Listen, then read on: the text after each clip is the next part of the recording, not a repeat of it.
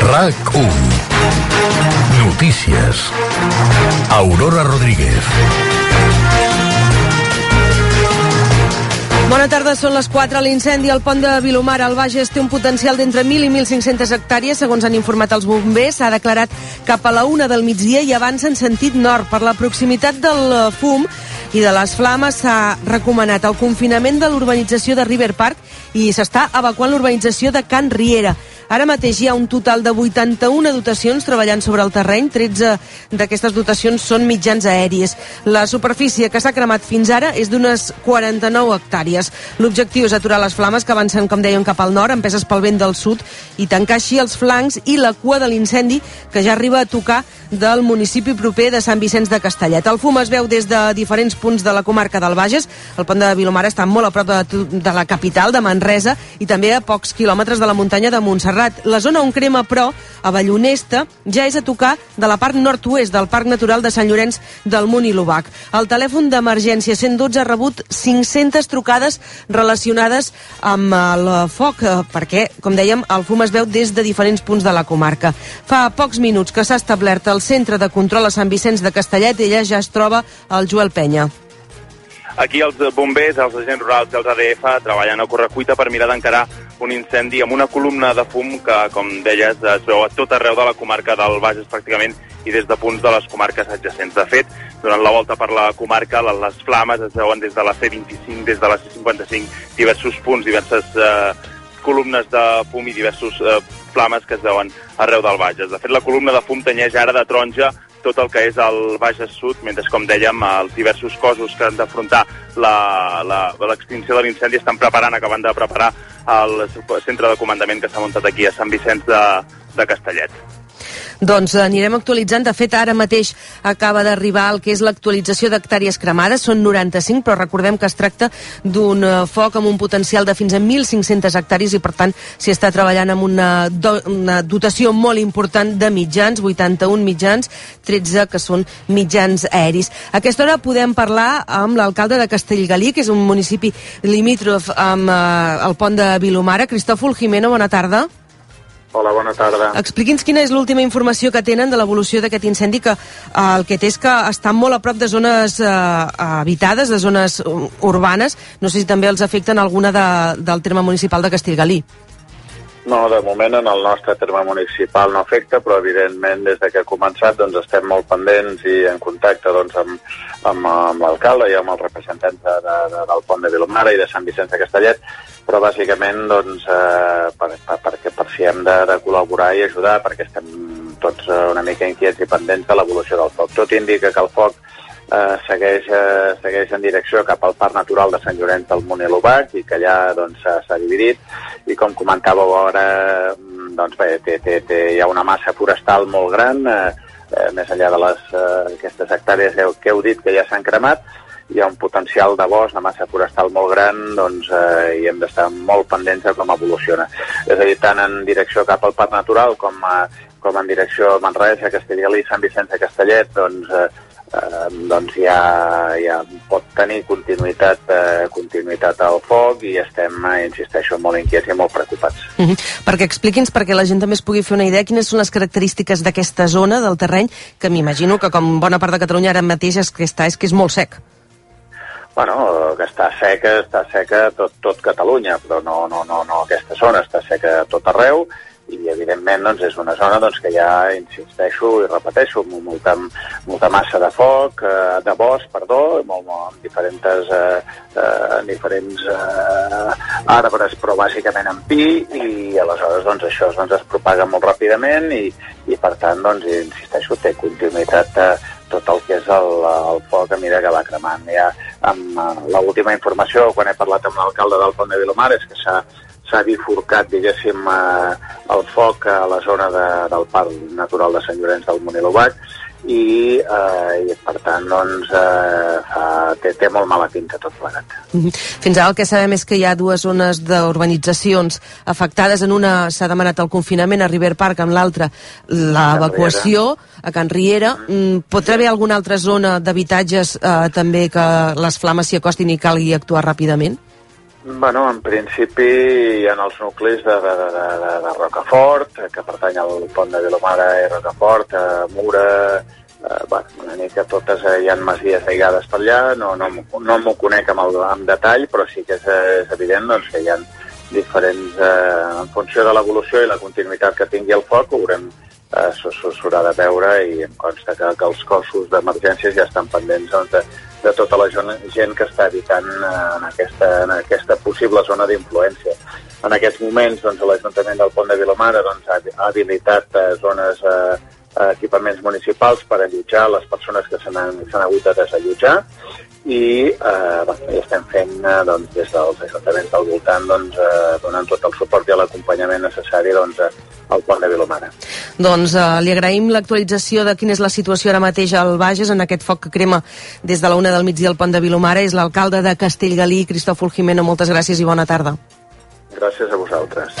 Com bé dèiem, Catalunya està en risc extrem d'incendi pràcticament a tot el territori, sobretot comarques de l'àrea de la regió metropolitana de Barcelona, la Catalunya central, on hi ha aquest incendi, l'Empordà, també el Solsonès, la Noguera, l'Alt Urgell i el Pallars Jussà. Precisament avui al matí, en declaracions al Via Lliure de RAC1, el conseller d'Interior, Joan Ignasi Helena, l'artava que seria un dels dies més complicats d'aquesta onada de calor.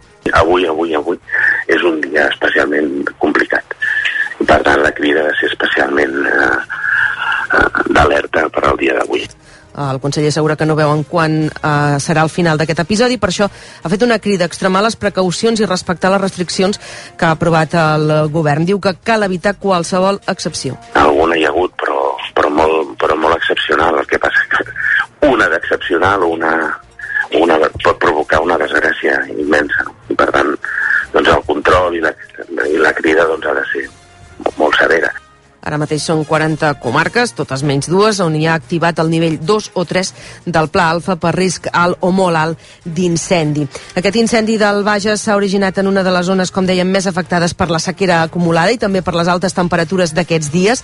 Martí Oliveres, quina és la previsió en aquesta zona del Bages?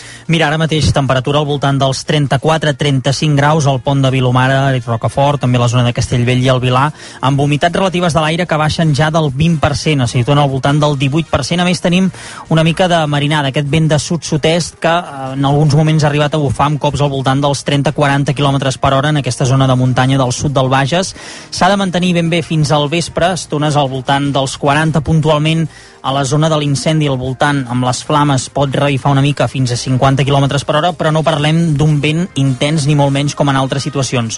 És una situació en aquest sentit més tranquil·la pel que fa al vent, però poc favorable per la temperatura que és molt alta, 34-35 graus ara, s'ha arribat a primera hora del migdia, eh, abans de dinar al voltant dels 38 graus de màxima, Demà la calor continuarà sent molt intensa a tot Catalunya, sobretot a la zona central i de Ponent, i la bona notícia és que entre dimarts i dimecres baixarà una mica, parlem d'un descent de 3-5 graus, passar de 38-40 graus a 35, però bé, després de finals de setmana podria tornar a pujar la temperatura i la, la, la mala notícia és que no es veuen aquestes precipitacions, de moment no han d'arribar, tret del Pirineu demà i dimarts a la tarda només amb alguns xàfecs de tarda. Ens anirem actualitzant la previsió per tot el país, però també a la comarca del Bages. Un altre apunt abans d'acabar, dues persones han mort aquest matí ofegades a la platja, totes dues a la comarca del Baix Camp. A Montroig del Camp, un home de 73 anys ha mort ofegat mentre es banyava a la platja del Cristall. El 112 ha rebut l'avís poc després de les 11 del matí, que un home es trobava malament dins de l'aigua i estava inconscient. L'altre mort ha estat a la platja de Cambrils poc després del migdia. Es tracta d'un home de 60 anys. Quan l'han tret de l'aigua ja es trobava inconscient. En tots dos casos hi havia bandera verda i els socorristes els han pogut fer una primera atenció. Aquest estiu han mort ofegades a la platja 9 persones. Protecció Civil insisteix que aquests dies de temperatures extremes cal aguditzar les precaucions també a la platja i prioritzar anar a platges que tinguin vigilància. Ara anem amb els esports, amb l'Oriol Jové. A aquesta hora arrenca la primera jornada de treball del Barça en la gira pels Estats Units. Enviada especial de rac a Miami, Laia Coll. En marxa el primer entrenament del Barça a la gira dels Estats Units. Encara sense Xavi dirigeixen la sessió als seus ajudants Òscar Hernández i també Sergio Alegre. Abans d'aquest entrenament, l'ex-blaurana Risto Stoikov ha avalat el fitxatge de Robert Lewandowski. Es un gran fichaje porque Barça necesitaba un goleador. Hay material donde Xavi tiene que dirigir la mejor de cada partido. O sea, todo lo que ha hecho por, por Bayern es espectacular y ojalá que Robert le pueda hacer, digamos, a la misma manera de, de marcar goles. El polonès vola a aquesta hora des de Madrid, direcció a Miami, ho fa amb un vol regular i està previst que arribi cap al vespre a partir de les 8 de la tarda, hora local, i s'afegeixi ja als seus nous companys. Encara en futbol, a l'Eurocopa d'Anglaterra, dos partits a partir de les 6, Suècia, Portugal i Suïssa, Països Baixos amb la classificació pels quarts de final en joc. El bàsquet Girona, per la seva banda, ha fet oficial el fitxatge del base Pol Figueres, tarragoní de 24 anys, que arriba procedent del Palma. És el tercer fitxatge gironí després dels de Quino Colom i Pato Garino. I en marxa ara mateix la quinzena etapa del Tour de França entre Rodé i Carcassona, 75 quilòmetres de l'arribada. L'alemany Polit i el danès Honoré roden escapats a un minut de marge respecte al grup gran on hi ha el mallot groc Jonas Vingegaard i el seu perseguidor la general Tadej Pogacar. Doncs uh, això és tot uh, per ara. Continuarem pendents de tota l'actualitat i de l'evolució del foc del pont de Vilomara, al Bages, a cada hora als bolletins i també al web raco.cat.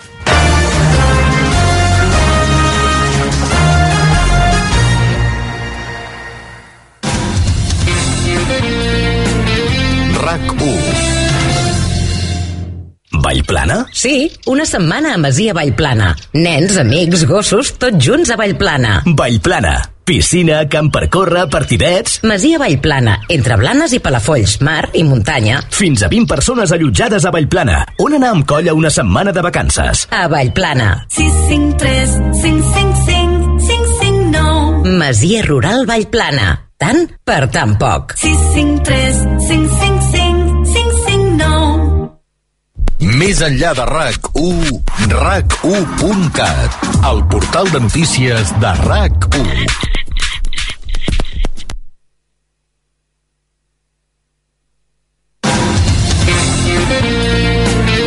RAC1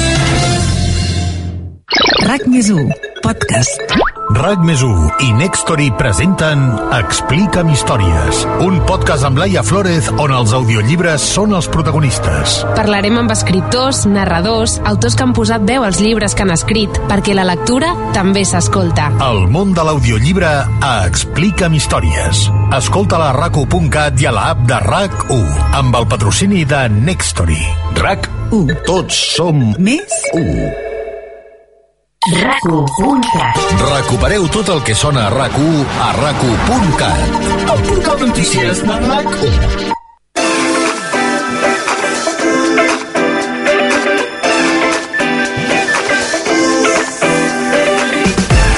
Continuem repassant els podcasts de RAC més 1, la plataforma digital de contingut exclusiu de RAC1. Reconcentrat de podcast amb Noemí Polls. L'univers dels podcasts és tot un món i nosaltres volem parlar del so, que hi té un gran i sorprenent paper protagonista, moltes vegades. No sempre, però moltes vegades. I en volem parlar amb el responsable del so d'aquests podcasts, els de RAC1 i també els de RAC més 1, i també els podcasts de La Vanguardia. És el Salva Coromina, que és tècnic de so. Salva, benvingut. Hola, què tal? Volíem parlar i fer un reconeixement a tota aquesta feina que hi ha de tots els tècnics en general de so que es, eh, ens permet gairebé traslladar-nos i tenir un món de fantasia en el que, com dèiem, el so és protagonista, és molt important. Vull dir que hi ha una feina que a vegades sembla que no es veu perquè se sent, però sí que hi és. Sí, i tant, i tant. Eh, vull dir que el so és, és, és, depèn de quin tipus de, sobretot en els podcasts que són més mm, així de ficció i que es recrea mm, escenes i tot això, vamos, és, és, és el 50%. Jo començaria traslladant-nos en una de les grans produccions que té RAC més 1, que és el conte de Nadal, que tant vam disfrutar i que, i que comença així. When I met that little girl, knew that I 24 de desembre. Ja torna a ser 24 de desembre. I dic torna perquè un any passa ràpid. Massa ràpid. Home, aquesta és la veu del Xavi Bundó, ja l'hem reconegut, però és que ja comencem amb un efecte que segurament tots l'hem sentit, però no l'hem analitzat. Hi ha una feina darrere. És aquest efecte de la ràdio, que no sé com li diríem, explica'ns-el tu. Bueno, a, això ens explicava ara eh, el, el, Simó, Dani. el Simó, que, Exacte. que és un flashword, no? que és una mica eh, passar d'una escena eh, en la que, més radiofònica en la que hi ha una música i de sobte t'has de transportar sonorament, que això també es fa a les pel·lícules, a l'espai, al lloc on està passant la, la cosa. Llavors allà t'imagines que aquella música ha d'estar sonant per uns altaveus, que hi ha allà una megafonia, has de ficar l'efecte, la gent caminant, tot això. Llavors passes de ficar la música tal com està produïda a ficar-li tota la sèrie d'efectes, que és un equalitzador, una reverb, eh, diverses coses, i que fan que, que sembli que estàs allà. Mm -hmm. Sí, sí, primer la sents com si fos una música d'acompanyament totalment neta, mm. impecable, i després, pum, va, et trasllada en el, en el moment de l'acció. Uh, però n'hi ha més. Per exemple, aquest tros que sentim ara. Quiero divertirme y gozar con mis amigos. Divertirme. Mentrestant, a la festa, Que bé que avui no hi siguin els teus pares. Per cert, Nunu, quina marxa aquest disc que has posat? Sí, Veus? Aquest també és una escena en la que passa això, no? Que està sonant una música i de repente et transporta a la festa aquesta i llavors has de ficar un altre tipus de reverb que no seria d'exterior, seria interior, eh, amb una equalització d'un equip de música que està sonant allà i has, i has, de, i has de ficar l'ambient de la gent, de la festa, llavors el que fas és transportar sonorament al, al lloc. Tot això que ens estàs dient és el disseny de so. Sí, sí, sí. que sí. potser la gent no, no, no, no sap que hi ha molts matisos i que els tècnics fan molt tipus de feina i una d'elles és el dissenyar aquest so que ens acompanyarà durant tota la història. Sí, i també és una cosa que a la ràdio eh, eh, s'ha s'ha tinc- una mica deixada perquè treballem en programes, la ràdio està molt pensada perquè hi ha una cosa que es diu Orban que està a l'antena i, i aquí tenim el Dalet que és un programa molt simple i llavors pues, es fa el que es pot però sempre hi ha un Orban a l'antena que ho comprimeix tot però clar, no totes aquestes eines de poder realment... Aquests matisos. Aquests matisos, això, això ho has de fer amb un Pro Tools o un programa que et permeti mm, treballar molt més, eh, que el Simó també el coneix, que, que hi he treballat molt, molts Aquí anys. hauríem d'haver fet una tertúlia, ja ho he dit abans, que el Sí. Dani també hagués aquí dins, i segur Sí. que molts dels tècnics teniu ganes d'explicar perquè, perquè també hem de reconèixer que és una feina molt ignorada durant molt de temps. Eh, cada vegada més i es valora més perquè el resultat és evident. Sense el tècnic ja d'entrada no estaríem parlant, perquè si no et puja el micro no, no tens veu. Clar. I aquesta feina és la que volíem avui reivindicar. Com per exemple també, en el mateix conte, encara volíem comentar una altra cosa. una boira misteriosa la comença a envoltar. Què, què està passant? Què està passant? Està desorientada, no veu res. Mou els braços a les palpentes, però la senyora Scrooge està encerclada per un fum molt dens. Sona una veu al fons. La boira es va desfent lentament. La... clar, l'argument ja... Aquí hi ha una feina molt bona del Marmala, Sí. però, però clar, tu has de traslladar a la persona que escolta el conte en d'un cementiri, has d'explicar una boira, que també s'explica. És difícil. Aquí volia, ficat aquest tall per, per explicar una mica això, que hi ha uns efectes que es diuen washes i risses i coses així que coneixem nosaltres, que, que fan aquest tipus de, de wash i, i transporten i, i, i això ho vam descobrir molt a la sèrie Perdidos, saps? A Perdidos eh, van ser els primers en començar, bueno, no els primers, però van ser els que més van utilitzar això, no? Perquè viatjaves allà molt en el temps i anaves aquí i allà i tot aquest efecte de, de, que et transporta, totes aquestes coses, doncs, ostres, si les col·loques bé, doncs et poden portar una boira, hi ha una estació, hi ha un, un moviment espai... Aquí en el conte hi havia molts canvis d'espai i temps, no?, i viatges en el temps i tot això, i tot això és molt útil tenir tots aquests recursos, i clar, si els fiques bé amb bons compressors i bones reverbs i tot, sona molt espectacular, perquè també es fan servir molt a les sèries, al cine, i llavors et dona la sensació que estàs escoltant algú eh, Sí, sí, pues, que real, està- que està gairebé fet, sí. real. Tu Sí, sí, viatges, sí, tu sí. et mous, tu Sí, sí. sents. Sí, sí. Uh, I un dels podcasts que més feina té és el de Ja som aquí. Pónganse en las marcas.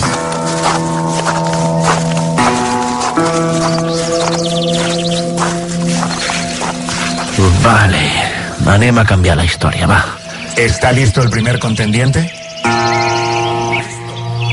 A mi señal, disparo.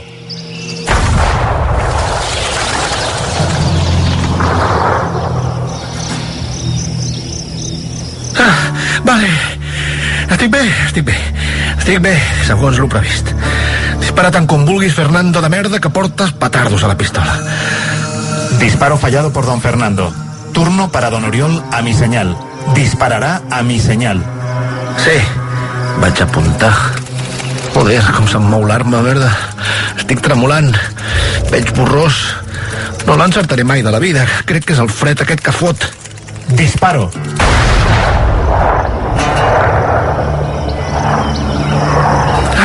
que aquí, aquí estem veient la bala com es mou. De fet, eh, segur que els nostres oients també ho hauran notat. Estàs veient com tremola la pistola Sí, i sí. l'estàs sentint, aquest cataclic, cataclic de, de, de la pistola com tremola. Clar. Tot això són efectes. Bueno, és que jo crec que tot això, el disseny de so eh, eh, es basa en detalls. O sigui, la importància són els detalls. I això és el que, el que s'ha de tenir molt en compte. Tots els detalls, tot el que t'imagines que pugui passar a la vida real ho has de transportar. I també m'agradava molt ficar aquest tall perquè la música ostres, la vaig agafar aquí, com que estàvem a RAC més ho podíem agafar músiques de, de pel·lícules, pues vaig agafar d'una pel·lícula dels Coen, aquesta que són diverses històries, i hi ha un dol allà que és impressionant, que el protagonista és un xuleta que, que al final se'l carreguen perquè, perquè es passa la xuleta i diu, hòstia, em fa passar.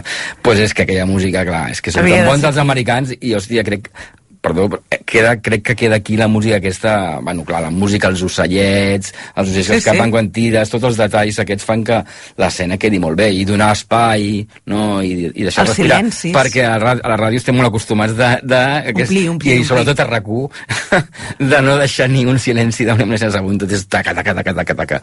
I, ostres, mira, jo va haver una vegada que vaig sentir un, un podcast i em va canviar molt la perspectiva, no, no, no recordo quin era, però vaig passar de treballar molt més amb els silencis i allò va- i em va canviar molt el, la manera de treballar. És que fins i tot el parlar, el silenci, a vegades diu molt més. Eh, Sí, i a més a més, si, si has sigut muntador, jo havia sigut muntador, a, a, jo havia treballat a la SER, però bueno, i a l'època que muntaves amb Revox als 40 principals Ah, i que aquestes allò coses... sí que era una filigrana. Amb- amb- el Dani també està dient el mateix. Sí, que, clar, el ah. Revox ja era enganxar i... i Sí, però cinta, tot era, tot, tot havia de ser superpicat, i enganxat, i acabava la veu, i sortia la música, i tot quadrat, i, i tot era molt rítmic, molt rítmic, molt rítmic. I, ostres, has tingut de fer un treball de- de- de- d'extracció de, de, tot aquest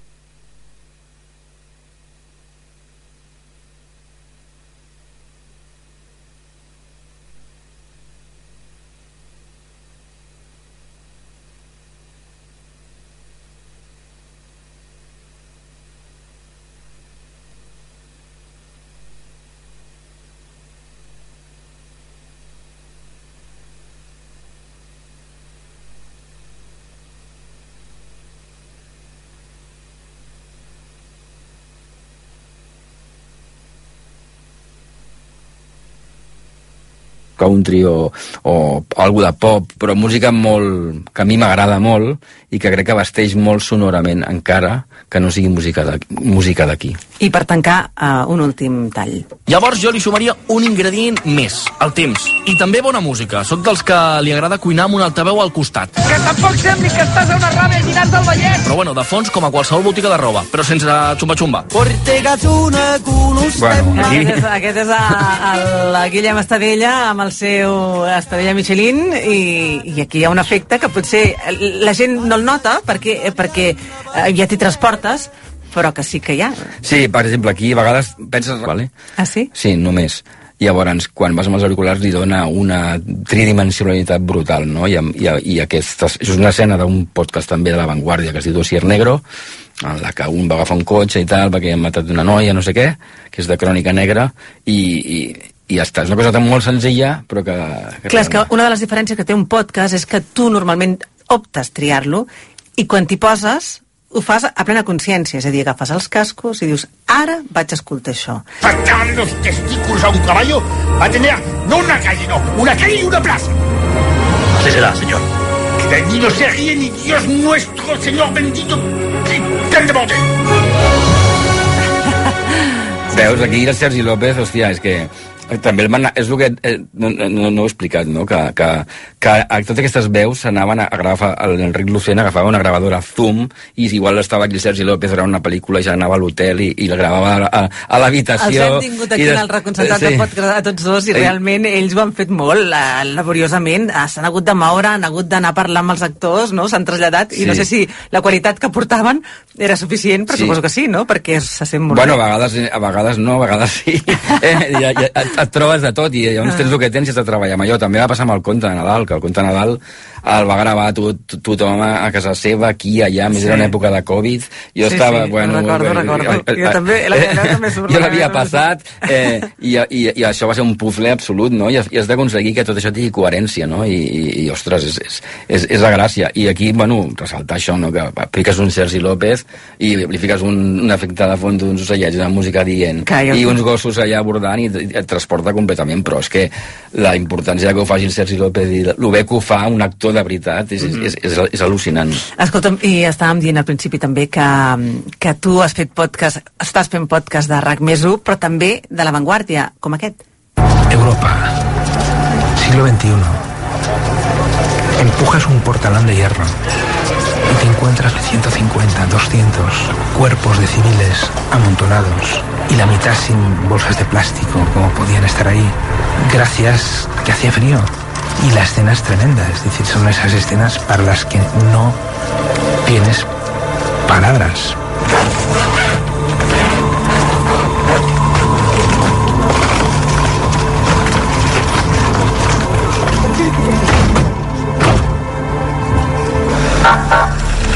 Dos semanas, ahí, ya vi más cadáveres que las 10 guerras que he cubierto durante 30 años. O sigui, ha sido una guerra... Aquest cas eh, és un podcast que parla d'alguna cosa que està passant real, eh, per tant aquí també hi ha una càrrega emocional molt més forta perquè no estem parlant de ficció. No, clar, clar. Aquí, eh, per exemple, volia, volia ressaltar que vaig, em va encantar fer aquest podcast, el vaig fer una de Gina Tosses, que vaig treballar superbé amb ella, i és un podcast en el que es van entrevistar els tres corresponsals, quatre de l'avantguàrdia, i teníem tots els sons que havien gravat ells allà a Ucrània, i això es va muntar com un, com un puzzle de la nada, no? Ella ho va ordenar i vam anar traient sons d'aquí i d'allà i ho vam muntar, no? I aquí la importància de la música era brutal, no? Ara, per exemple, el, el com es diu, el Plàcid García Planas, ostres, fot aquí...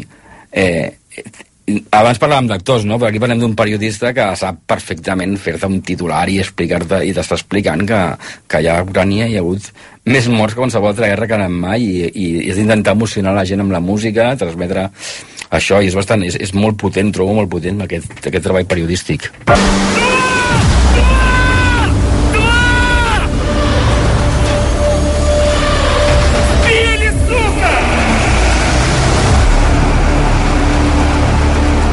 Todos los sonidos de este podcast son reales. Han sido captados en Ucrania durante la invasión rusa. Vale, pues una miqueta aquí volia, el que volia mostrar és aquest final, que és un moment en el que eh, uns soldats eh, ucranians tiren una bomba no, aquí aca- acabem una mica el capítol que parla de la guerra i uns, uns soldats ucranians tiren una bomba a un barco rus i el toquen, no? I és aquest cris que fa el tio que en el fons està insultant i tal, no? Però la música fa que sigui el final, llavors clar, aquí és la importància de la música i d'agafar un so que tens en directe que si tu l'agafes sol al YouTube el veus i tal, però aquí amb la música i tot junt I amb el context eh, sí, amb el context posen i després haver sentit tot el podcast o sigui, agafa un empaque brutal Isla de las Serpientes, soy un buque de guerra ruso. Os sugiero que depongáis las armas y os rindáis. De lo contrario, seréis atacados. ¿Me reciben? Bien, eso es todo. ¿Tendría que decirle que se joda? Por si acaso. Buque de guerra ruso, jódete. Bueno, aquí explicat aquest tall perquè, perquè a vegades hi ha moments que estàs muntant, que estàs sol allà, que, no, que necessites una veu que no la tens i que has un doblatge i tal, i aquí vaig tenir que ficar jo la veu. que això, la teva veu, això em ja. passava molt al Jasom aquí també i, i, i em passa moltes vegades. I, i jo era, abans era identificar una veu, però va arribar un moment que dic, això tinc que tirar endavant i tinc que ficar-la. Ah, però hi ha uns I- tempos i si no Sí, sí, ja- ja- trigues més en demanar a algú que tu gravi que sí, no pas i ficar-ho al final et fiques en el paper i dius, bueno, ara m'imagino que estic allà, que tinc a davant no sé qui, i, i, i, i bueno, i, i crec que al final ho he aconseguit fer bastant des- dignament, eh, cosa que abans no hagués fet ni ni hablar fa uns anys, no? Però bueno, em vaig treure la por i em salva a l'hora de treballar en moments, no? Uh -huh.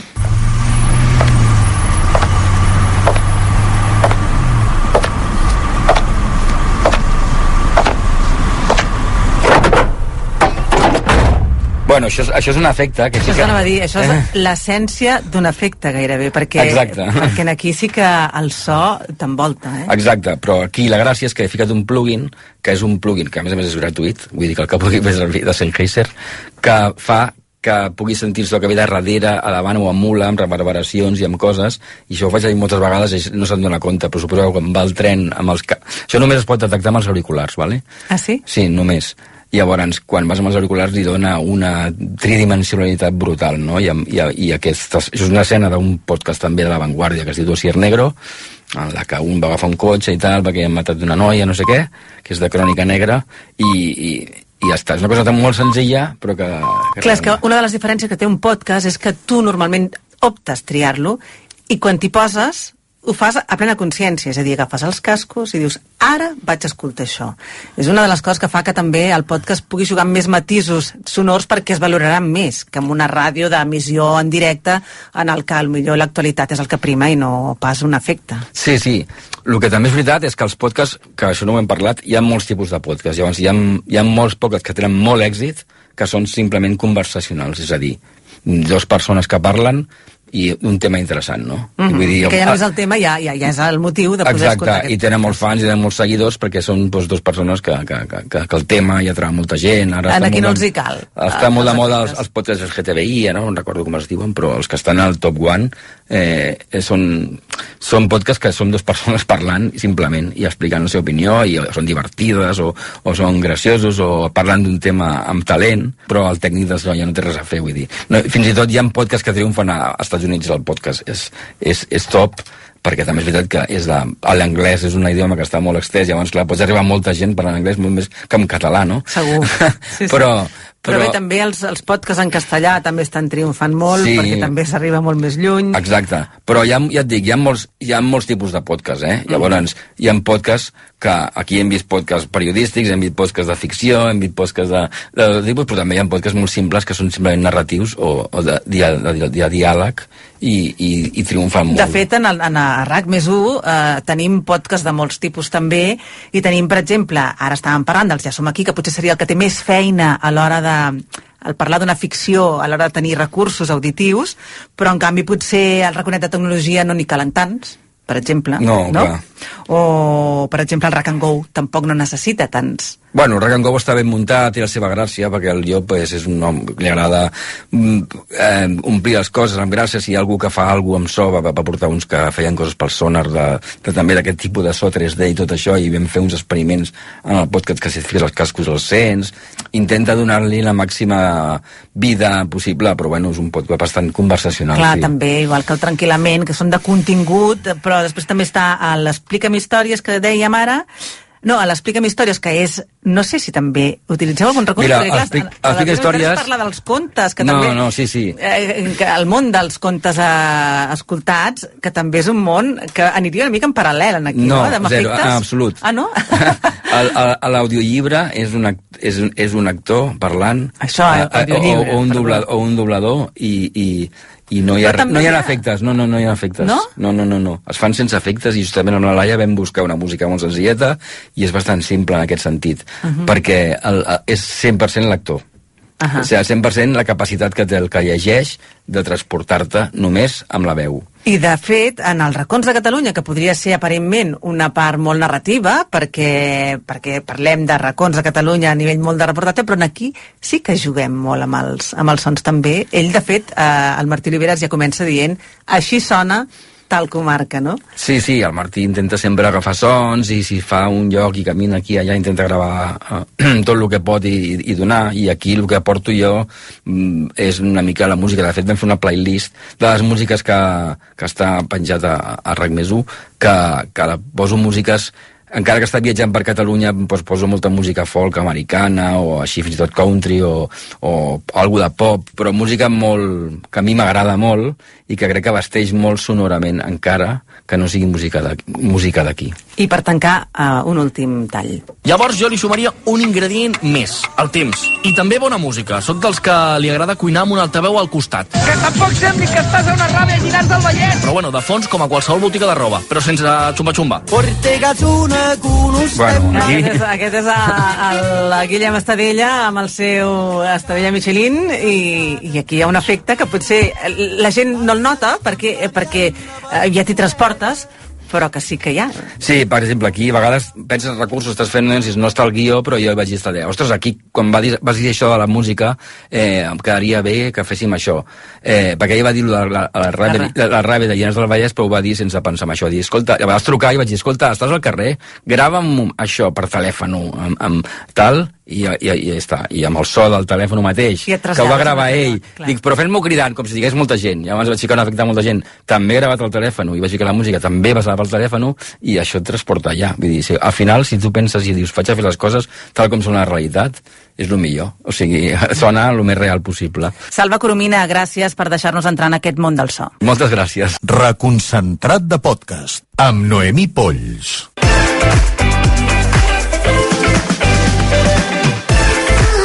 Comentàvem ara amb el Salva Coromina sobre la feina de so que hi ha darrere de molts podcasts. RAC més és la plataforma digital que ofereix aquest contingut exclusiu de rac un servei que combina podcast i la transmissió en directe d'esdeveniments per un segon canal. I és eh, que el consum de material audiovisual està canviant molt de pressa i rac evidentment, s'hi ha sumat. Volem parlar-ne, saber què ens ofereix i quines són les tendències d'aquesta nova manera de consumir àudio. Amb el cap de programes i, i digital de rac amb en Xavi Maric, eh, també tenim el responsable del podcast de RAC més el Lluís Magallanes, i també el responsable d'operacions i analítica digital, Carles Miró. Uh, hola a tots tres, anem per parts. Uh, el consum de ràdio, ja ho dèiem, està canviant i per començar ja cada vegada fem servir més els suports digitals, l'ordinador i sobretot el mòbil per escoltar ràdio. Carles, en aquí aquest seria potser una mica el teu terreny, el consum a la carta, la gent ja tria què i quan vol escoltar. Bueno, de fet, eh, de fet, fa temps que trien quan i com escoltar, reconeix l'any 2000 i la primera aposta que van fer la gent que va pensar com havia de ser aquesta ràdio va ser apostar tant per l'streaming, recordem que en aquell moment, a l'any 2000, no hi havia fibres òptiques, no hi havia 4Gs, la gent tenia mòdems a casa, sí, tenia mòdems. Sí, sí, aquell sorollet que feia... Sí, les ADSLs eh, són del 2002, 2003, després ADSLs que anaven a 64... Tot això ja... ho hem oblidat, Tot eh? això ho Sembla que oblidat. vam néixer ja amb internet incorporat. Doncs en aquell moment eh, la gent que pensa aquesta casa ja pensen en, en digital. Per tant, van ser... Un, bueno, van estar ser uns pioners i van veure que el consum massiu, si volíem ser una ràdio de consum massiu i d'audiències massives, hauríem de començar a apostar per la part digital. I, a banda de l'streaming, es fa una aposta pel podcast, que en aquell moment ni existia, perquè la paraula podcast crec que és del 2003, 2004, quan Steve Jobs eh, fa l'iPod i, i junten el, el pod amb el broadcast i fan la paraula podcast. En aquell moment es crea el podcast, però nosaltres estàvem fent podcast que es deia a la carta. Anava a dir, aquí, aquí ten- tindríem un debat. Primer aquí, eh? debat. És un podcast a la carta. Pr- Primer debat. És a dir, el 2000, jo crec que el 2001 ja comencem a posar els nostres materials, les nostres hores a hores, amb un contenidor a disposició dels usuaris, els que tenien internet se'l podien descarregar i li dèiem a la carta. Mhm. Això és un podcast, aquest és el primer Ah, debat, ja no?, està, que obria sí, sí. aquí Clar, el, el aquí Xavi. ha, que a més a més volia dir també que tots dos, també el Lluís i el, el Xavi també, eh, havia estat eh, el, tu Xavi al capdavant de la pàgina web, per tant eh, veniu empapats ja, i tu Lluís havia estat també treballant a la pàgina web, del món digital, ja, ja comenceu a posant aquest peu en el món digital. Sí, és, això és molt interessant el que comenta el Carles perquè eh, és cert que als inicis de rac ja hi va haver aquesta gran aposta pel, per l'entorn digital, van entendre ràpidament que el món digital era una antena més, però una antena amb molt més potencial, fins i tot que les antenes físiques de, de les zones. Em, Per tant, podries arribar a molta més gent i, a part, obrir el meló a això, no? el, el, tot el suport podcast, diguem-li així d'entrada, tot i que era un primer podcast a la carta. O sigui, no era contingut nou, no era un contingut exclusiu, sinó que era un contingut de coses que ja s'havien emès a l'antena.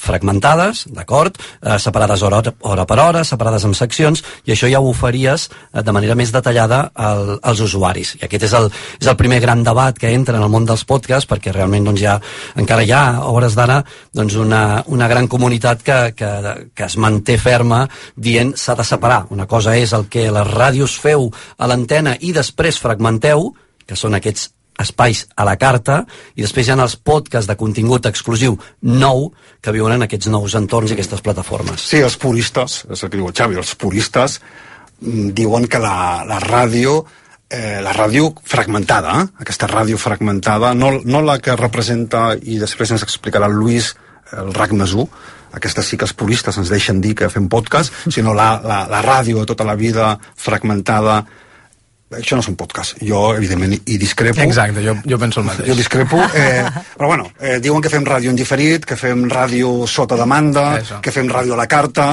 els anglesos d'això en diuen catch-up radio, eh, per mi són els podcasts eh, que generem a la ràdio.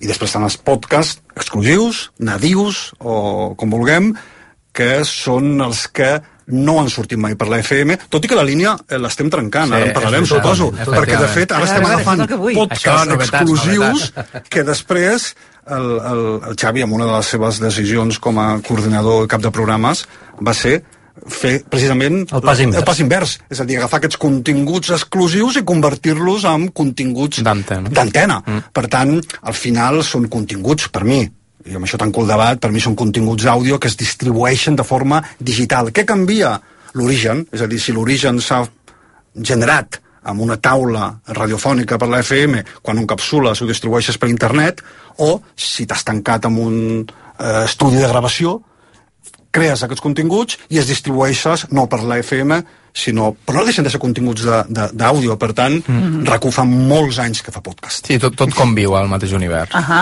ara, Lluís, entrarem també amb el contingut, però mm, Xavi, recull el guant que, que t'ha tirat aquí el, el Carles Miró.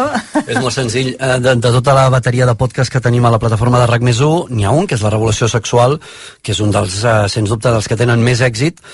Mm, Ja va ser un encàrrec dels inicis de la plataforma RAC més 1, un encàrrec molt concret que, que van fer a la Rosana Carceller i a l'Anna Alfonso. L'èxit ha estat eh, tan evident eh, que ens hem decidit, doncs això, a fer el pas contrari, a dir, d'acord, va néixer com a podcast, abans que hi hagi un espai pròpiament de sexe entès com un programa en directe, per exemple, doncs en un futur, eh, perquè no fem un pas intermig i confiem a la revolució sexual, un espai concret a les matinades de dilluns a divendres, a la grella d'estiu, i comprovem si aquest espai funciona.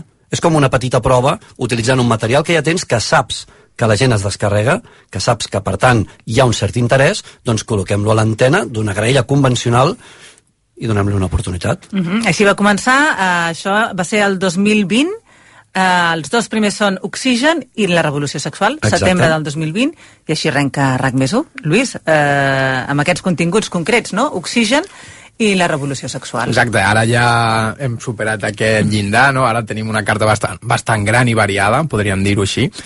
I, I la idea és que la temporada vinent segueixi creixent la cosa a millor, amb continguts més variats, més entreteniment, no? que al final és una mica el que caracteritza RAC1 i RAC més en aquest cas també.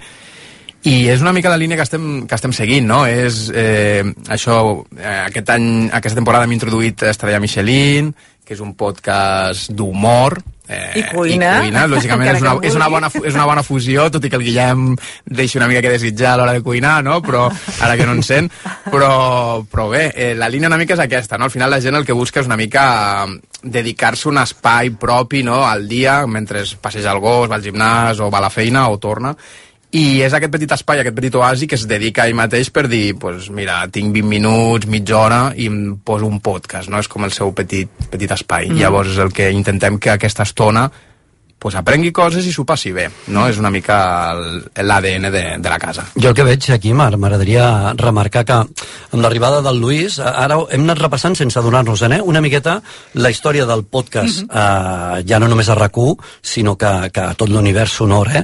Eh, nosaltres vam començar amb l'espai a la carta, que és el que marcàvem, aquests podcasts, espais d'antena fragmentats. Després va arribar el, el podcast nadiu pròpiament, Oxigen, la revolució sexual, encàrrecs puntuals de contingut propi que generaven, doncs en el cas d'Oxigen, la Mònica Usar, o en el cas de la revolució sexual, la Rosana i l'Anna, eh, però que vivien a una plataforma que era exclusivament digital, RAC més 1. Després hi ha el salt a l'antena d'aquests podcasts, és un tercer pas, però és que després hi ha el quart pas, que hem començat en guany, però que de cara al setembre eh, Lluís hi ha fotut la banya i, i és un gran pas endavant, diria jo, que és el món transmèdia, que és un neixes com a podcast, però ja vas vestit amb, amb, amb molts complements diversos. O sigui, ets un espai a RAC més 1, està clar, t'escoltarem amb àudio, però aniràs acompanyat d'un suport de vídeo, per tant, també viuràs a YouTube, però a més a més ho vestirem amb clips, per tant, les xarxes n'aniran plenes, i per acabar, segur que més d'un d'ells tindrà presència a l'antena de rac amb la qual cosa s'acaba convertint en un producte transmèdia que neix d'un podcast, però que va, va Clar, és vestit. que el, el món s'ha anat complicant, no? És a dir, ara ja hi ha xarxes, ara ho deies tu, YouTube, imatge, tot, i tot això eh, se li ha de donar un camí. Exacte, vull dir, ara hem, hem vist molt clar no? que, que la gent consumeix una mica de tot, no? Eh, és aquest moment de dir, em poso un podcast, però hi ha gent que li agrada veure el que està escoltant, no? I això, els podcasts que estan gravats i penjats a YouTube tenen molt d'èxit també, a vegades més que inclús el propi àudio, no? Llavors, a la gent li agrada veure el que està passant i, i a vegades, a, a, jo, jo mateix eh, sóc usuari de, de quan escolto un podcast hi ha un moment concret en què dic, hòstia, això pinta guai, me'n vaig a veure-ho a YouTube, no? Ho vaig a buscar-ho concretament.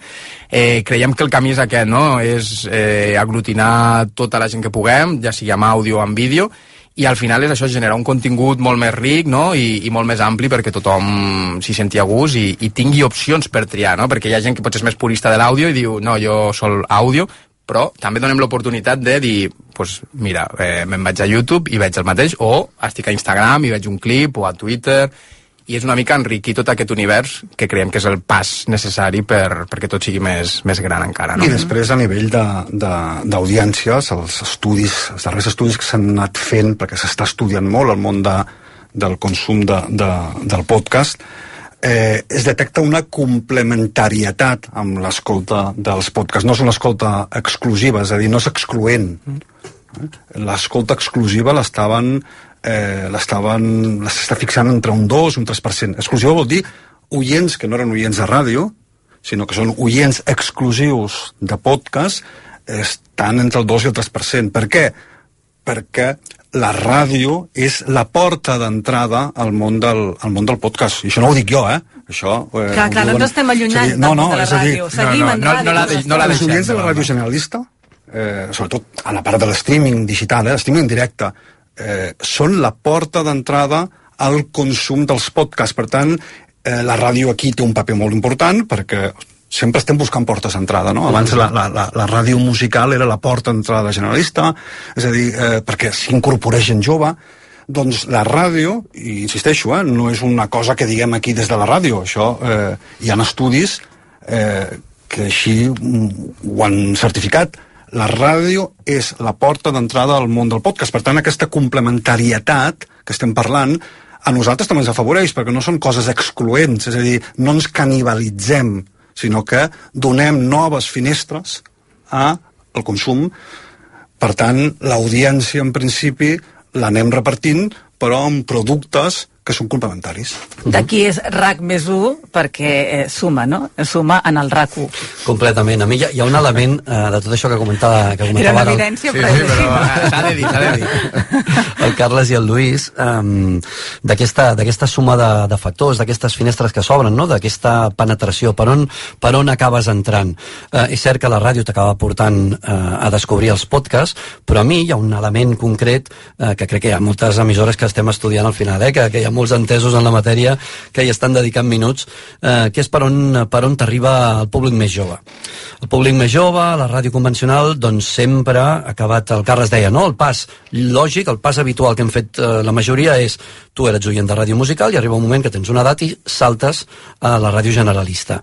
Uh, bé, després hi havia les portes, no? A vegades entres pel món de l'humor, a vegades entres pel món dels esports i acabes convertint-te en oient de ràdio generalista.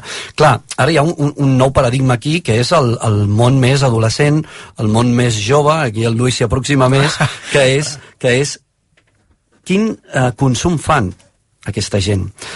Eh, el perfil per mi ha canviat i aquesta, aquest usuari s'aproxima molt més doncs, a universos de YouTube, de Twitch, eh, d'aquestes noves plataformes eh, i per tant tu també t'hi has d'acabar acostant. I jo crec que aquí canvia una miqueta el viatge amb com tu has de mirar i molts d'ells aquí t'entren pel podcast. O per YouTube. I després acaben descobrint o la, o la voluntat és que acabin descobrint Ah, els productes que tens a De l'antena fet, deixem-me fer un matís perquè, evidentment, si no I tant, i tant. Els que El tema és, quan he parlat de l'exclusivitat d'aquests eh, usuaris eh, que consumeixen únicament i exclusivament podcast, i ho he xifrat no perquè hagi posat la xifra jo, sinó perquè està establert així, entre el 3 i el 4%, estem parlant de tota la franja dels 14 als 65 o 70 anys, que són eh, les franges d'estudi de tots aquests estudis d'audiència. Però sí que és cert, i aquí és on, eh, on el Xavi eh, estava posant la punt, que sí que es detecta que entre la franja dels 14 als 25 anys hi ha un percentatge que no té res a veure amb aquest 3%, és, és molt més elevat que sí que no, no han utilitzat la ràdio com a porta d'entrada, sinó que ja són consumidors perquè ho viuen de forma nativa, ara que està de moda mm. aquest, mm -hmm. aquest... I per tant, aquests són els, mm, bueno, els segments d'audiència que la ràdio hi haurem de posar una mica de banya perquè Clar, és que a més a més van ha canviant canviat, els codis. és que han canviat els, Els codis Clar, per és una mica la la, la part on hem d'atacar. Sí, i aquí, i aquí el percentatge ja és molt més elevat, és a dir, trobem gent que únicament consumeix podcast exclusiu i la ràdio eh, ni, ni per streaming directe ni, ni a la carta, això sí que és Mira, abans, abans li tirava una pilota um, i no, no era un moc, al contrari, és una de les coses que amb el Lluís sempre hem comentat a vegades és, és uh, ell és més jove que nosaltres i ell es mou en un entorn sonor mm, eh, evidentment treballa a rac i per tant coneix perfectament què és rac i què sona a la grella de rac però sí que és veritat que quan ell ha d'escoltar coses noves ell les, no les busca a l'antena, normalment les busca al món del podcast. I a vegades et parla de productes dels Estats Units, de productes de fora de les nostres fronteres, o d'Espanya tranquil·lament, eh? però que dius, hòstia, això és que ni, Clar, és que ni me n'havia donat, no, Estats no ho Units sabia i que Llatinoamèrica existís. són pioners en tot Sí, això. ens Hi porten bastant, bastant temps de ventatge. És veritat que el boom a Espanya va, del podcast ha estat durant la pandèmia. És on, diguem, els àmbits de consum han canviat. I, i és on, diguem, explotat el- l'univers de podcast a, aquí, aquí a l'estat. Mhm. Nosaltres som d'una generació, no li dic en Lluís, us dic a vosaltres dos que estem al costat, el, sobretot el Carles, som d'una generació Bueno, que ara que tampoc l'audiència es pensi que té Que som 15 tan anys. joves, eh? no, efectivament, no, no, efectivament. no, tots tenim ja estic a la trentena. Però que vam sentir allò de Video Kill de Radio Star eh, i allò semblava que era una amenaça per la ràdio i en canvi ara De estem parlant Bagels. de Bagels, exacte, sí senyor.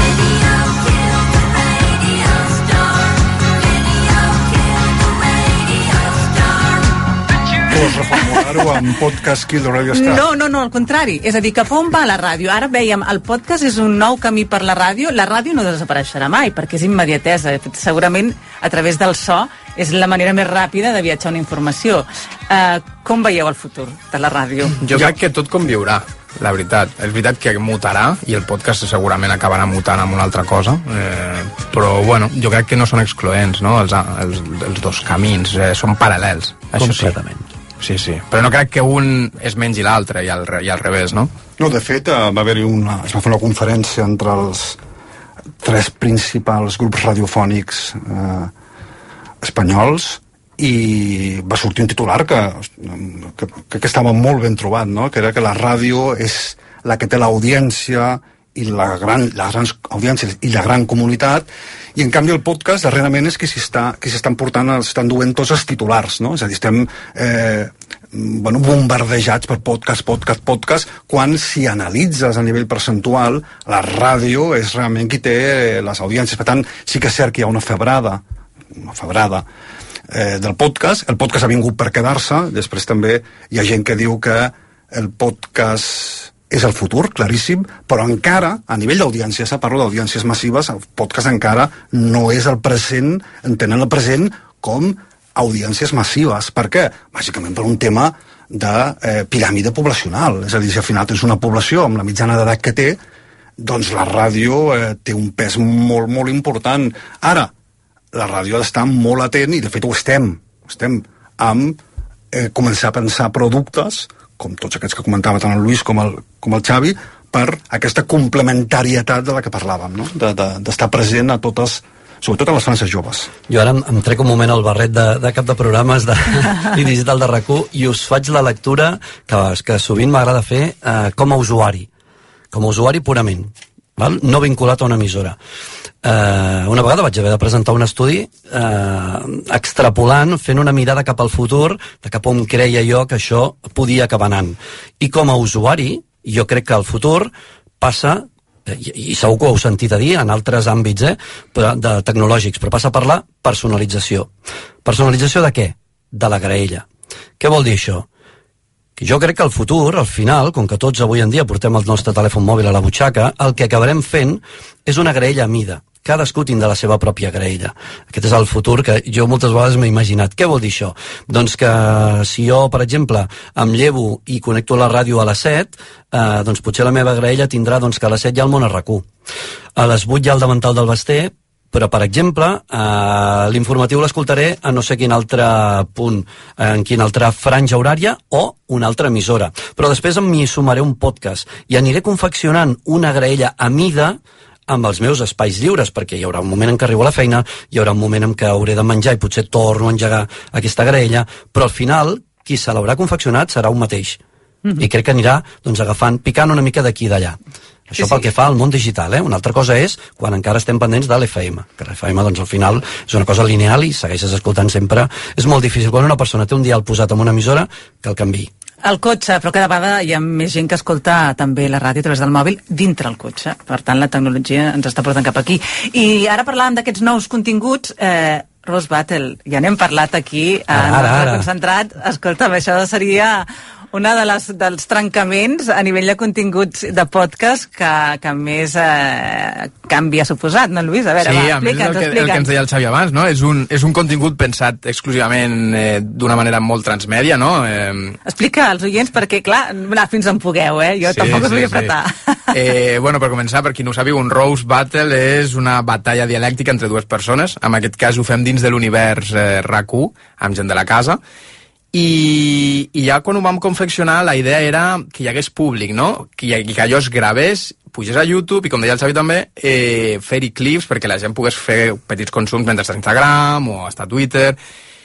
I la idea és una mica això, buscar aquest públic jove que dèiem abans, no? que és el potencial consumidor de, de podcast, però eh, juguem amb l'univers RAC1, no? que també té tot el seu bagatge i és tota la gent que escolta l'FM. No? Llavors vam pensar que aquest, aquest híbrid era ideal per aglutinar aquestes dues parts, no? la gent veterana o la gent que està acostumada a escoltar l'FM i la gent que no està acostumada a escoltar l'FM però que s'hi sumarà pel tema de això l'entreteniment, perquè és un podcast, perquè hi té YouTube i la idea va sorgir així i és el que estrenarem ara al setembre. Eh, la veritat que estem molt contents com, Home, com va anar... Jo he sentit comentaris la, i la gent està No, i el propi- amb unes ganes el propi de sentir públic. i, i veure-ho Hauràs de d'anar pensant un, un o una rival, Noé. Sí, sí, sí, ui. No sé, eh, perquè hi ha moments durs, eh? No vull avançar Sí que n'hi ha, però sí, sí que n'hi ha. Has d'anar molt amb els guants. Has d'estar molt preparat. Amb els guants molt ben posats, eh? No sé jo, sí, sabria. No, la veritat, eh, m'hi afegeixo, eh, Lluís? Eh, és que el Lluís va venir amb aquesta idea i ens va encantar des del primer moment. Era de resolució difícil perquè realment eh, és plantejar-te com si fessis un, com si fessis un bolo al final de, com si un programa de la ràdio doncs, sortís a l'exterior, però aquest programa no existeix. L'havíem de crear de zero. Um, I llavors aquí ja es van posar tots els elements a sobre la taula um, i es va parir inicialment ja amb la idea de no, no, és que això ha de ser transmèdia i hem d'obrir molts camps diferents, fins i tot el del públic. És que estàs fent un show en directe, Clar, amb gent allà. Mm. Clar, i aquí s'hi sumaven les dues coses, no? De ve una sèrie de públic perquè ja coneix els noms, perquè són oients de la ràdio, i d'altres, que és també l'altre públic que buscaràs, que és un... Sé que és un Rose Battle perquè vinc d'una nova generació més jove on ja he consumit aquest producte, però no amb l'entorn RAC1. Per tant, ostres, potser hi acabaràs entrant, perquè a més a més, per les vivències que vam veure allà, Lluís, el més probable és que tard o d'hora això tingui també un salt, d'alguna manera o altra, a l'antena de rac Exacte. Sí senyor, doncs moltíssimes gràcies a tots tres. Estigueu pendents de RAC més 1, perquè aquestes novetats que no ens han volgut concretar, però que apunten maneres, uh, seran a partir de setembre. I moltíssimes gràcies, Xavi Meric, Lluís Magallanes, Carles Miró, per haver estat aquí xerrant una miqueta sobre el futur de la ràdio. Moltes gràcies, Gràcies a tu. vosaltres. Reconcentrat de podcast amb Noemí Polls. RAC, RAC Informació, actualitat, esports, entreteniment, al mòbil, a la tauleta, en podcast, en aplicació, en ràdio, RAC1. Tots som un. Amb la col·laboració del Departament de la Presidència de la Generalitat de Catalunya. Sabies que si el teu gat marca amb orina o esgarrapa mobles i sofàs, vol dir que podrien ser signes d'estrès? Ajuda a reduir-los amb Feliway i fes que el teu gat se senti feliç. Prova ara el nou Feliway Help, 7 dies d'ús. Ideal per a situacions d'estrès ocasional. Consulta amb el teu veterinari o botigues especialitzades. Més informació a feliway.com. RAC més 1. Podcast. RAC més 1 i Renfa presenten Chelsea Hotel. Per gaudir de la història d'una nova cançó, atura't a l'estació del Chelsea Hotel amb Olga Suanya.